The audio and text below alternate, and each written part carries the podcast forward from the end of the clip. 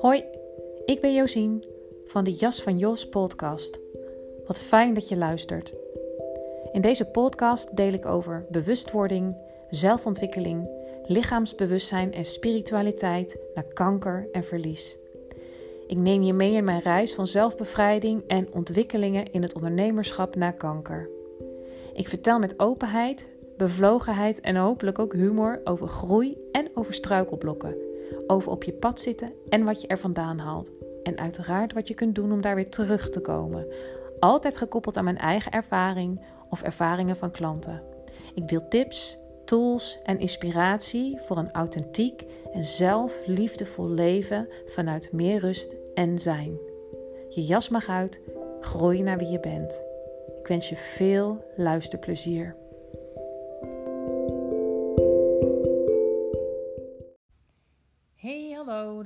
Weer met een nieuwe aflevering van de Jas van Jos podcast. Als je de laatste aflevering hebt geluisterd, dan uh, heb je mij horen praten over het fundamentele innerlijke loyaliteitsconflict. Um, waarmee bedoeld wordt eigenlijk de, de universele menselijke worsteling. Um, dus aan de ene kant een sociale behoefte van samen zijn, aan relatie en verbinding. En aan de andere kant um, de behoefte om trouw te zijn aan onszelf. Um, en weet je, als je echt gaat kijken, is wat we eigenlijk allemaal het allerliefste en ten diepste willen, is, is compleet gezien en begrepen en gewaardeerd worden in, in, uh, in onze eigenheid, in uh, authenticiteit in onze eigen unieke vorm, in onze eigen unieke manifestatie van zijn, van het leven. Um, maar dat is vaak uh, niet hoe het gaat. Zo gaat het gewoon ook als kind in je opvoeding niet. Omdat je nooit volledig gezien en gewaardeerd wordt in jouw eigenheid. Um, en dat dat is hoe het gaat. Want uh, ook onze ouders um, zijn overgeleverd geweest aan uh, zeg maar het niet compleet um, authentiek en uniek kunnen zijn van hun ouders. En de beperkte versie van hun ouders, zeg maar. Um, dus ik denk dat er maar weinig mensen zijn die helemaal uh, en compleet zichzelf kunnen zijn. Dat is gewoon niet hoe dit leven gaat. En ook wel mooi om zo te zien dat je dan op den duur um, dat laagje voor laagje gaat afpellen. Om dat uiteindelijk wel te doen. En als ik voor mezelf spreek, um, ook ik loop nog vaak tegen moeilijkheden aan. Maar het is wel zo um, dat je op den duur echt een vrijer mens kan worden. En als ik voor mezelf spreek, dan is dat zo. Als ik kijk naar hoe ik nu mijn leven vormgeef.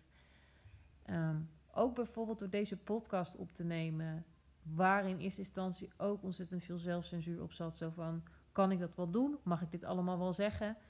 Uh, wat gaan mensen daar wel niet van vinden? En ook daar groei ik in. En, en dat is gewoon een ongoing process in het steeds vrijer worden als mens hier op aarde. Um, ja, je zou ons bestaan in deze wereld wel kunnen zien als een, uh, ja, als een soort compromis van um, tussen ja, de, belangen van, van, van dus je, jezelf leven, je eigenheid leven en um, sociaal moeten zijn uh, in relatie zijn. En um, wat we in zijsoriëntatie wel doen, en dat heb je me in de afgelopen aflevering ook horen zeggen, en dat is, dat is absoluut dus niet om, om uh, te bevorderen, maar als een soort kapstok om dingen aan op te hangen, om zicht te krijgen op jezelf en dat vervolgens ook weer te kunnen loslaten. Het helpt ontzettend om jezelf te begrijpen, om de wereld te begrijpen. Um, en dat we dus wel uh, mensen zien als waarheidsmensen. Weet je? Um, en aan de andere kant dus liefdesmensen. En die beide kanten, waarheid en liefde, dus uh, trouw zijn aan jezelf of trouw zijn aan een ander, dat speelt in ieder mens. En ehm, ehm, kan dus op een gegeven moment dan dat aangaan. En, en ook ontdekken van in hoeverre ben ik echt, gaat het mij echt om, om mijn waarheid leven? Of ben ik, gaat het me meer om die verbinding? Ehm, dat, dat, daar kun je gewoon steeds uh, zuiverder in worden. Maar het helpt gewoon ontzettend om, om op deze manier naar te kijken. En waarheidsmensen die onderdrukken eigenlijk hun verlangen naar, naar ja, acceptatie en bijhoren en in verbinding zijn en in relatie. Ehm, en, en die richten zich vooral op, op het uitdrukken van zichzelf, van hun eigen waarheid, hun, eigen, hun eigenheid. Ehm, al dan niet in, in, in een echt oorspronkelijke vorm. Want vaak heeft, neemt dat dan een vervormde uh, uh, vorm aan, zeg maar. Um, als een soort karikatuur of vervormd, vervormde versie van jezelf. En um, liefdesmensen, om ze zo maar te noemen, verstoppen zich zoveel mogelijk. En um, ja, verstoppen dus eigenlijk zoveel mogelijk hun individuele zelf. En ja, onderdrukken hun behoefte en hun verlangen aan echt trouw zijn aan zichzelf aan, hun waarheid leven en hun waarheid in de wereld zetten. En die richten zich dus vooral uh, op samen zijn, harmonie, relatie, verbinding. En um, ja, misschien ruik je het al. Um, dat, dat ook hier, dat dat, dat, dat dus een, een, eh, een, een niet-authentieke vorm aan kan nemen. Um, maar, maar meer de vorm aanneemt van hoe jij denkt dat je welkom bent bij anderen en in de wereld. Dus liefdesmensen, dat, dat kan zich bijvoorbeeld uiten in please-gedrag, in de lieve vrede bewaren, um, altijd voor een ander klaarstaan, soms zelfs zonder dat er om gevraagd wordt. En waarheidsmensen die kunnen, kunnen uh, rebelser zijn, die kunnen op de barricade gaan, uh, en altijd discussie aangaan bijvoorbeeld, om kosten wat kost die waarheid te beschermen. En uh, liefdesmensen om kosten wat kost liefgevonden te worden en verbindingen te onderhouden, te bewerkstelligen, veilig te stellen en dat soort dingen. Um, ja, dus dat even daarover. En um, om hiernaar te kijken is het heel erg uh, behulpzaam om, um, om dus weer in delen te denken en, en, en die te gaan onderzoeken bij jezelf. Nou, te gaan herkennen in eerste instantie en dan te onderzoeken. En je hebt me al veel vaker horen podcasten over de innerlijke criticus. En de innerlijke criticus, die, weet je, dit, dit hele verhaal dat ik net vertelde, daar is de innerlijke criticus uh, nauw bij betrokken. Die speelt daar een hele belangrijke rol. Um, want die hangt eigenlijk een beetje samen met met, met dat liefdesdeel in ons, met die liefdeskant, met de liefdesmens in ons. Um, hè, die, die, uh, die samenhang met de behoefte aan relatie en, en, en dus ook met de, angst om de verbinding te verliezen. En wat de criticus eigenlijk doet, is um, het bewaken en het afremmen van jouw individualiteit. En die, hij probeert eigenlijk jou uh, geliefd te maken. En hij zal je constant um, ja, je eigenheid betwijfelen of in twijfel trekken.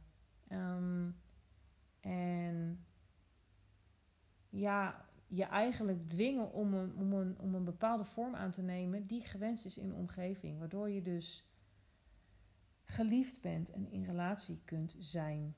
En ja, een, een heel stuk spontaniteit um, en eigenheid wordt op die manier eigenlijk verdrongen, naar de achtergrond verdrongen. En je kan wel raden wat dat doet met je energie, met je levensvreugde. Um, en dat is wat je op den duur gewoon kunt gaan voelen. Ja, ja, totdat je daar helemaal in vastloopt, zeg maar.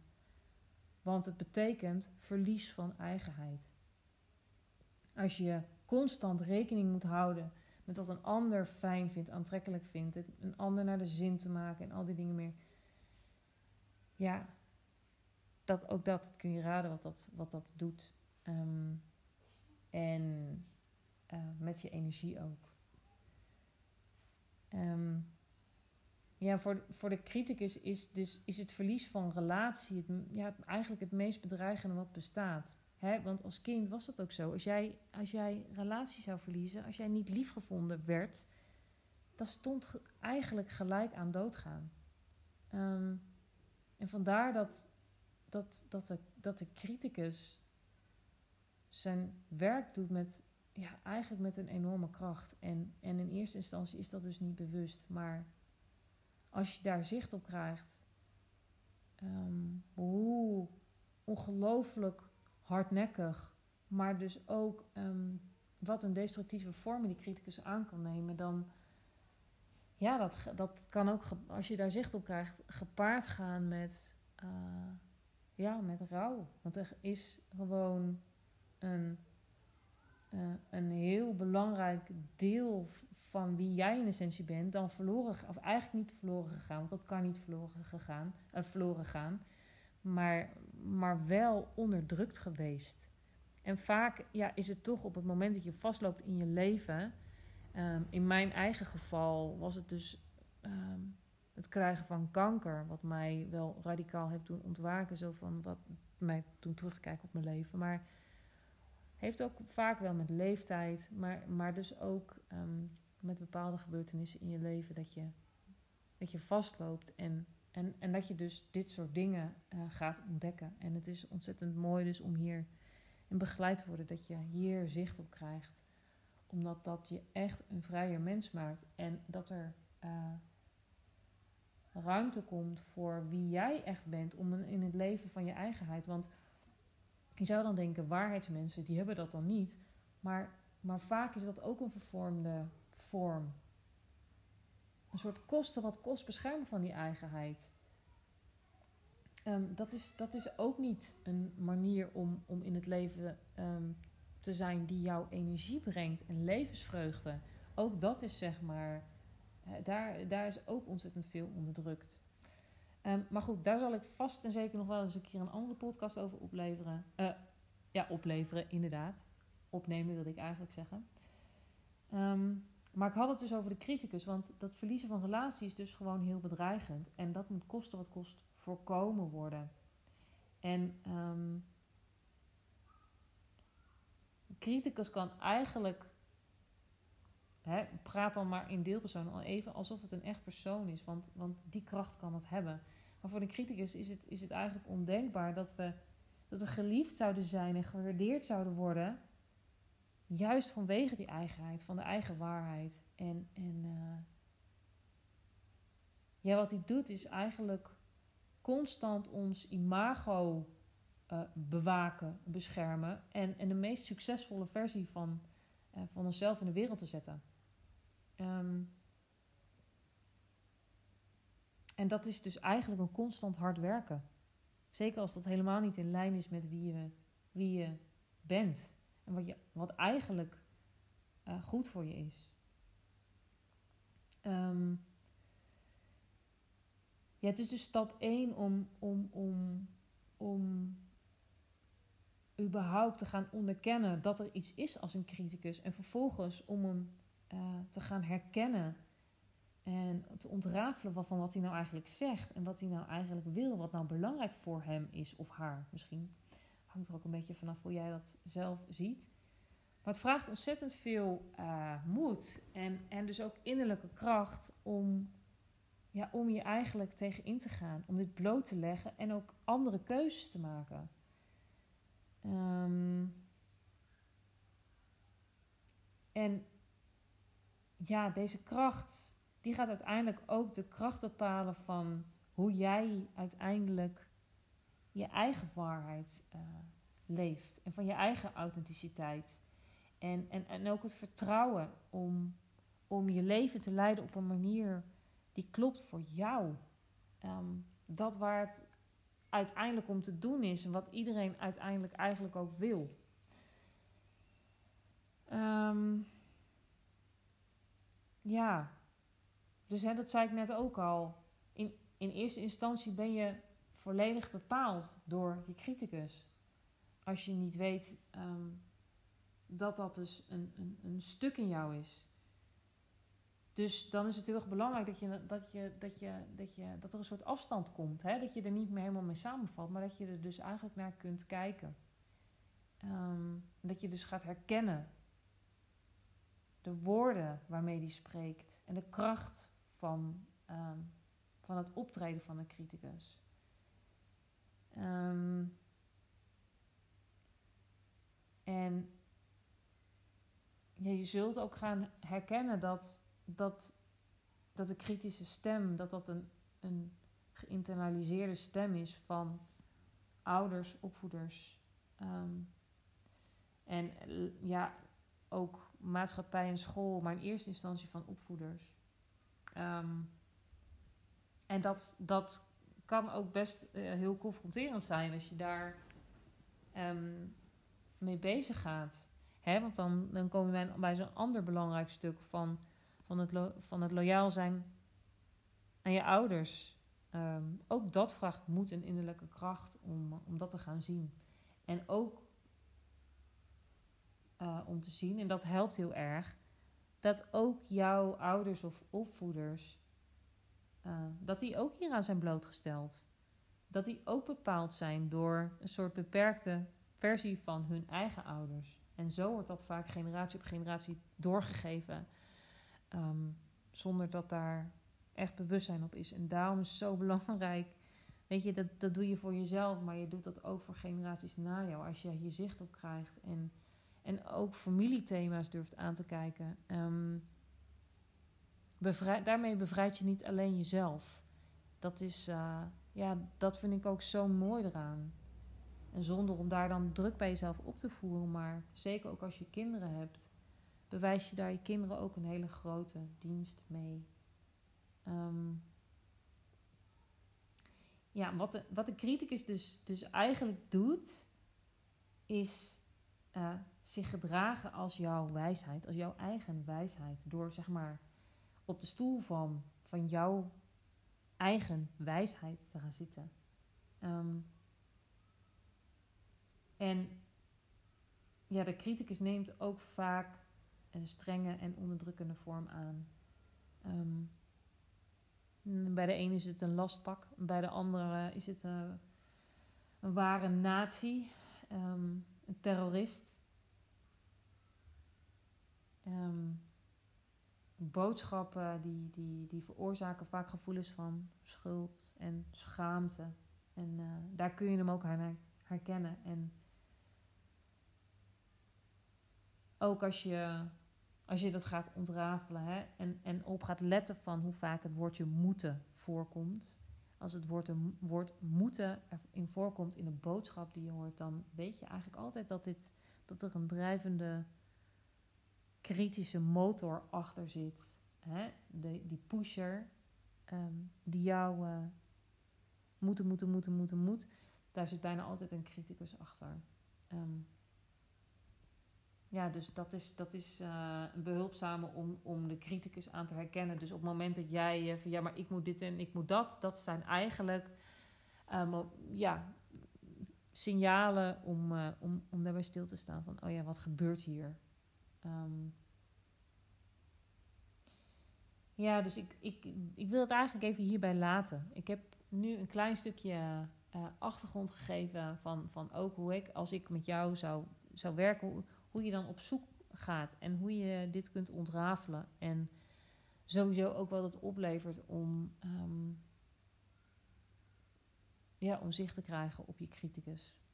En, uh, want de meeste mensen kennen de term inner critic, innerlijke criticus, de criticus. Um, wat voor woord er ook aan wordt gegeven, wel. Maar het is zo behulpzaam om, daar, om, daar, om dat verder uiteen te rafelen. En weet je, je hoorde me net zeggen, hij kan soms vorm aannemen van een ware nazi, terrorist. Um, maar het is ontzettend behulpzaam om te weten dat dit ooit ontstaan is om jou te helpen. En nog steeds, eigenlijk om jou te helpen, alleen dient het je nu niet meer. Heb, sterker nog, heb je daar heel veel last van. Ehm, maar om niet meteen zeg maar weg te slaan uh, en af te doen als slecht en er daar dan daardoor niet meer naar te kijken. Want juist het, het, het afstand creëren, ernaar te kijken, dat geeft je zoveel bewustzijn erop. En ga je het ook herkennen op het moment dat het speelt. Um, dus weten dat dit eigenlijk ook vanuit goedheid, vanuit zorg naar jou ooit ontstaan is, is wat helpt. En uh, um, zal helpen om, om met een mildere blik ernaar te kijken. Uh, en ook het zelfoordeel, zeg maar, te verzachten. Want het is niet iets wat jij, iets stoms wat jij hebt gedaan, wat jij in het leven hebt geroepen. Nee, dit is uit noodzaak geboren. Dit heeft uit de noodzaak um, is dit ontstaan in je jeugd. Um, en je kan er dus wel degelijk vanaf, maar je weet de paradox. Um, waar je tegen vecht blijft bestaan en wat mag bestaan, dat kan jou langzaam gaan loslaten. Omdat je er gewoon minder door bepaald wordt, minder mee samenvalt.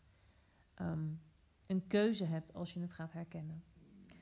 Um, dus ja, nou tot zover deze podcastaflevering over wat achtergronden uh, rond de innerlijke criticus. Ik hoop dat het, um, ja, dat het leuk was voor je om dit te horen. En, en um, dat het je misschien ook inzicht geeft. En uh, ja, dat zeg ik eigenlijk altijd. Dat is wat, wat ik hoop met deze podcast.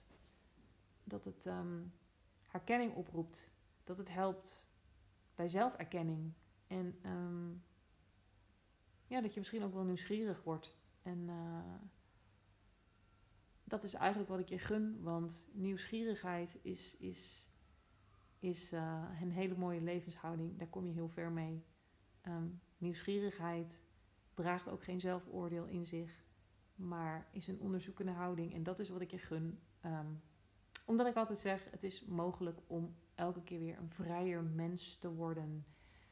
En dat is waarom ik doe wat ik doe en waarom je nu ook deze podcast hoort. En dat is een mooie om mee af te sluiten. En dan spreek ik je heel gauw weer. Dat was hem weer voor vandaag. Wat fijn dat je erbij was en helemaal tot het einde hebt geluisterd bij deze aflevering van de Jas van Jos podcast. Wil je me nou een beetje helpen? Dan vind ik dat natuurlijk hartstikke fijn. Je kunt dat doen door je te abonneren op deze podcast. Dat kan zowel op Spotify als op Apple Podcast. Um, daarmee kom ik hoger in de ranking, ben ik makkelijker vindbaar. Um, en krijg je ook een melding als er een nieuwe aflevering online is. Je kan me ook helpen door op Apple Podcast een rating en korte review achter te laten. Ook dat helpt me enorm um, bij de vindbaarheid en uh, in de ranking. En ik wil natuurlijk niets liever dan dat deze podcast bij zoveel mogelijk mensen terechtkomt. Voor wie dat inspiratievol en behulpzaam is. Dus um, dank je wel alvast voor de moeite. En uh, dan spreek ik je de volgende keer.